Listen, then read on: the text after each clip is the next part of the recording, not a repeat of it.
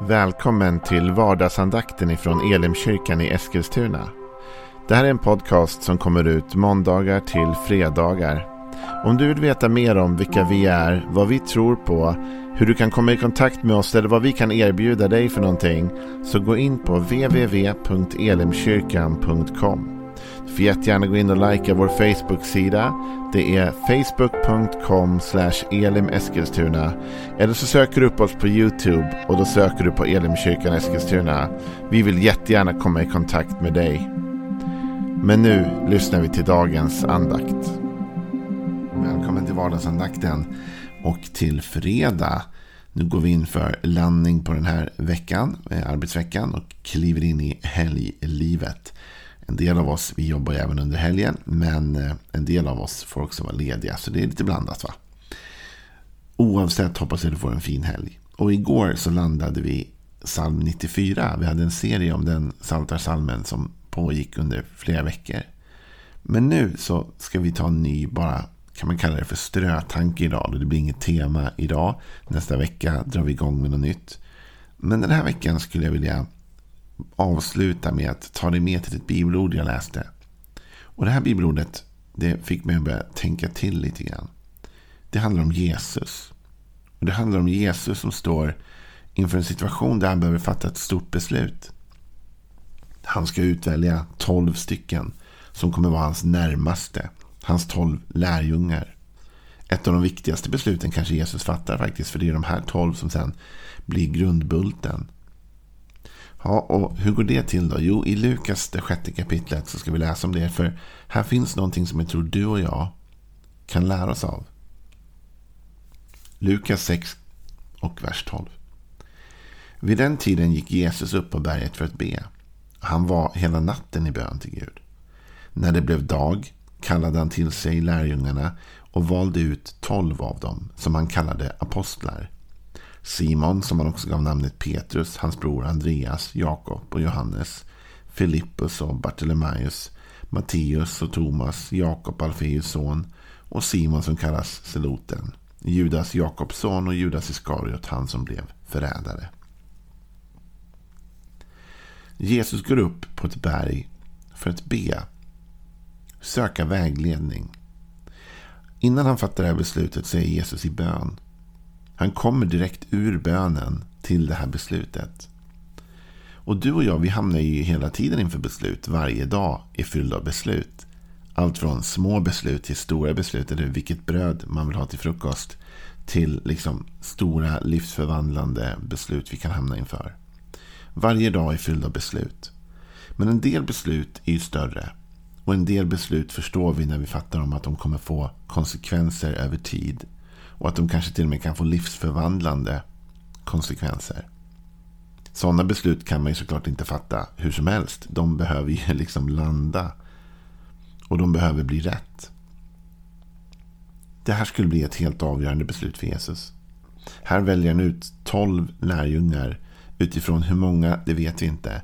Men han plockar ut tolv av lärjungarna och tar dem närmre sig själv. Det här blir hans kärngrupp. Det här är de han ska fostra under tre år för att sen lämna över ansvaret till. Det här är oerhört viktigt. Här i finns Petrus, han som också blir klippan, han som blir den som ska leda gruppen vidare. Hur fattar Jesus det beslutet? Ja, han går upp och ber. Han ber till Gud. Du och jag, vi borde inte fatta något stora livsavgörande beslut utan att be. Jag tror att det finns många vardagsbeslut vi kan fatta utan att be. Jag tror inte du behöver be om vilket kaffe du ska köpa eller vilka strumpor du ska ta på dig jämt. Utan jag tror att Gud överlåter många sådana kreativa beslut åt dig och mig själva. Och jag tror att han litar på att du och jag är förmögna att fatta sådana beslut själv. Däremot finns det ju större beslut där vi kanske inte ser hela bilden eller förstår allt. Och då behöver vi hjälp. Och då behöver vi be. Det var inte bara det att Jesus gick upp på berget för att be. Det finns ett par saker i den här bara första meningen som är helt avgörande tror jag. Det ena var att han gick upp på berget för att be. Alltså Jesus, han avskiljer sig för bön här. Han ser till att han inte är störd. Han ser till att inte alla andra är där och påverkar hans beslut i det här läget. Jag tycker om att be om råd. Jag frågar alltid människor om råd. Och det finns en tid att fråga om råd. Absolut. Men det finns också en tid att landa i sig själv och landa i det man tror Gud säger. Och här går ju Jesus undan för att fråga Gud om råd och då isolerar han sig. Han går in på en avskild plats, eller hur? Och han ber hela natten. Han var ju hela natten i bön till Gud. Det här var inte så att Jesus bara gick undan och sa Far, vilka tolv ska jag välja ut? Han gick undan och han bad och han bad och han bad hela natten. Och det handlade inte om att rabbla en ramsa hela natten. Utan han var i samtal med Gud hela natten. Om vilka tolv personer som var lämpliga. Du och jag, vi måste våga den typen av uthållighet i bön. Vi måste våga inte var så snabba. Jag tror att det är en utmaning för oss i vår tid idag. Vi lever på något sätt i någon sorts mikrovågsgeneration. Den generation jag är. Vi växte upp med mikrovågsugnen liksom, där man stoppar in allting och på bara någon minut så är det klart. Men bön fungerar inte som en mikrovågsugn. Liksom. Bön är ett samtal. Samtal tar tid. Samtal kräver avskildhet, tid, engagemang. Så man får se till att när man vill ha ett svar från Gud så måste man gå undan. Det finns ju i Jakobsbrevet en text som är fantastisk vad gäller vishet och bönesvar. I Jakob 1 och 5 står det Om någon av er brister i vishet ska han be till Gud som ger åt alla villigt och utan att kritisera och han ska få. Så du och jag har vårt löfte här att vi ska få vishet av Gud. Men om vi vill ha ut vishet ur Gud så måste vi samtala med Gud. Vi måste be till honom. Och det samtalet måste få ta tid.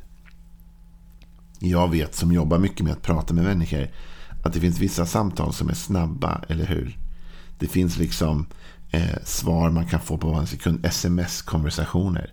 Där man skickar ett sms och säger typ Du, var la du den där prylen?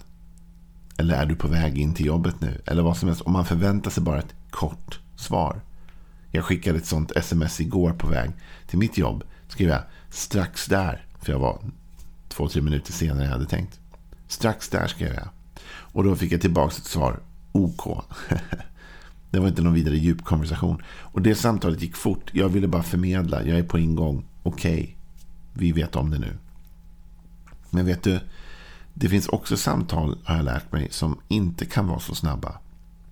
Utan samtal som kräver tid. Om jag vill få veta hur en människa tänker, känner, vad den verkligen bär på för idéer. Ett sånt samtal är inte ett sms-samtal. Ett sånt samtal måste man sitta ner. Man måste mötas. Man måste prata. Man måste ta tid att utforska samtalet. Man måste låta den andra tala. Man måste smälta. Man måste ställa frågor. Man måste... Och precis så här är det ju med Gud. Det finns böner du och jag kan be som är korta böner. Böner som är hjälp mig nu Gud. Hjälp mig hitta nycklarna. Hjälp mig hitta mobilen. Hjälp mig köra rätt nu. Hjälp mig korta koncisa böner som handlar mer om att bara be Gud om hjälp nu. Och svaren vi får är typ OK. och så får man hjälp man behöver. Men det finns också samtal du och jag behöver föra med Gud som man inte kan föra på fem minuter. Och som man inte kan föra bara i sms-form så att säga. Det finns böner och samtal som behöver has som måste få ta tid. Det är då vi verkligen sitter ner med Gud och lyssnar och ber och talar och frågar och vänder på saker. Det är samtal vi behöver ha uppe på berget så att säga. Där vi går åt sidan en liten stund och säger att jag måste verkligen. Det här bönen måste ta minst en halvtimme, timme. Kanske måste vika en förmiddag åt att gå och prata med Gud. Därför att jag har stora, viktiga beslut att fatta. Och stora, viktiga beslut bör du inte fatta hur som helst. Du bör ha en visshet i ditt inre, en insikt. Jag vet inte exakt hur det gick till när Gud talade med Jesus om vilka tolv som skulle vara. Kanske var det bara så att under den här långa bönestunden med Gud så var det tolv namn som blev tydliga för Jesus. Att han liksom fick insikt i sitt hjärta, i sitt inre, kände det är de här. Det är de här det ska vara. Hur den gick till så kom det ändå utifrån detta samtal med Gud. Så du och jag kan be Gud om vishet men vi måste också veta att ett sånt samtal från Gud kräver lite mer engagemang från oss. Om jag verkligen vill veta vad Gud har att säga så måste jag också ge Gud tid att tala. Så du och jag måste våga låta bönen få växa utåt i tid och rum. Ta plats. Jesus talar om detta också i Matteus 7. När han talar om bön så säger han de här kända orden. Be och ni ska få. Sök och ni ska finna. Och bulta så ska dörren öppnas för er. För var och en som ber han får. Och den som söker han finner. Och för den som bultar ska dörren öppnas. Alltså, det finns olika typer av bön. Det finns de snabba bönerna. Kan du skicka saltet? liksom. Och vad nu det blir för något i vårt böneliv med Gud, det kan ju du fundera på. Men det finns korta böner till Gud, absolut. Det finns sökande böner. Och det finns bultande böner. Sökande bönerna, det är när vi söker vishet av Gud. Vi, och, och då behöver vi ha tid till det sökandet. Det behöver få ta den tid det tar i samtalet med Gud. Att få ut ur honom det vi längtar efter, det vi vill veta. Den bultande bönen, det är den där vi bara, nu vet vi, nu ska vi bara tjata. den bultande bönen, det är liksom barnen som springer och tjatar om lördagsgodis från sju på morgonen tills de får det på eftermiddagen. Nej, men liksom hela tiden va. Men sökandet måste få ta tid. När vi kommer till Gud så måste det samtalet inte vara för stressat. Och jag menar inte att alla böner måste vara sådana. Men jag ser på Jesus att när han skulle välja ut de tolv och när han verkligen behövde landa i ett viktigt beslut som skulle ha påverkan flera år framåt och kanske för evigheten nästan. Så väljer han ut de tolv. Då har han varit uppe och bett hela natten. Då har han varit i bön hela natten. Han har samtalat med Gud genom hela natten på en avskild plats för att verkligen landa i sig själv, i Gud och förstå vad det är han ska göra. Så du kanske står inför ett stort beslut idag. Och det kanske stressar dig. Du är orolig. Blir det rätt? Är det här rätt väg? Gör jag det rätta? Hur ska jag göra detta? På vilket sätt? Vilka ska jag jobba med? Hur ska jag hantera det här? Vet du vad det bästa du kan göra? Fast jag förstår att du är stressad och kanske har ont om tid. Det bästa du kan göra är ändå att ta en liten paus just nu. Gå till en avskild plats och be till Gud. Ge det den tid du har. Men säg till Gud, Gud jag behöver din vägledning nu. Jag behöver få prata med dig. Jag behöver din vishet. Det här är situationen jag står inför och jag behöver veta hur ska jag göra. Och i det samtalet, om du ger det tid, kommer du få tankar och svar och idéer. Gud kommer placera någonting i dig så att du helt plötsligt vet vad du ska göra och hur du ska agera. Så den här vardagsandakten slutar jag nu med detta den här fredagen inför helgen. En uppmaning till bön och en uppmaning till samtal med Gud om framtiden, om stora beslut man måste fatta, om hjälp, om vishet.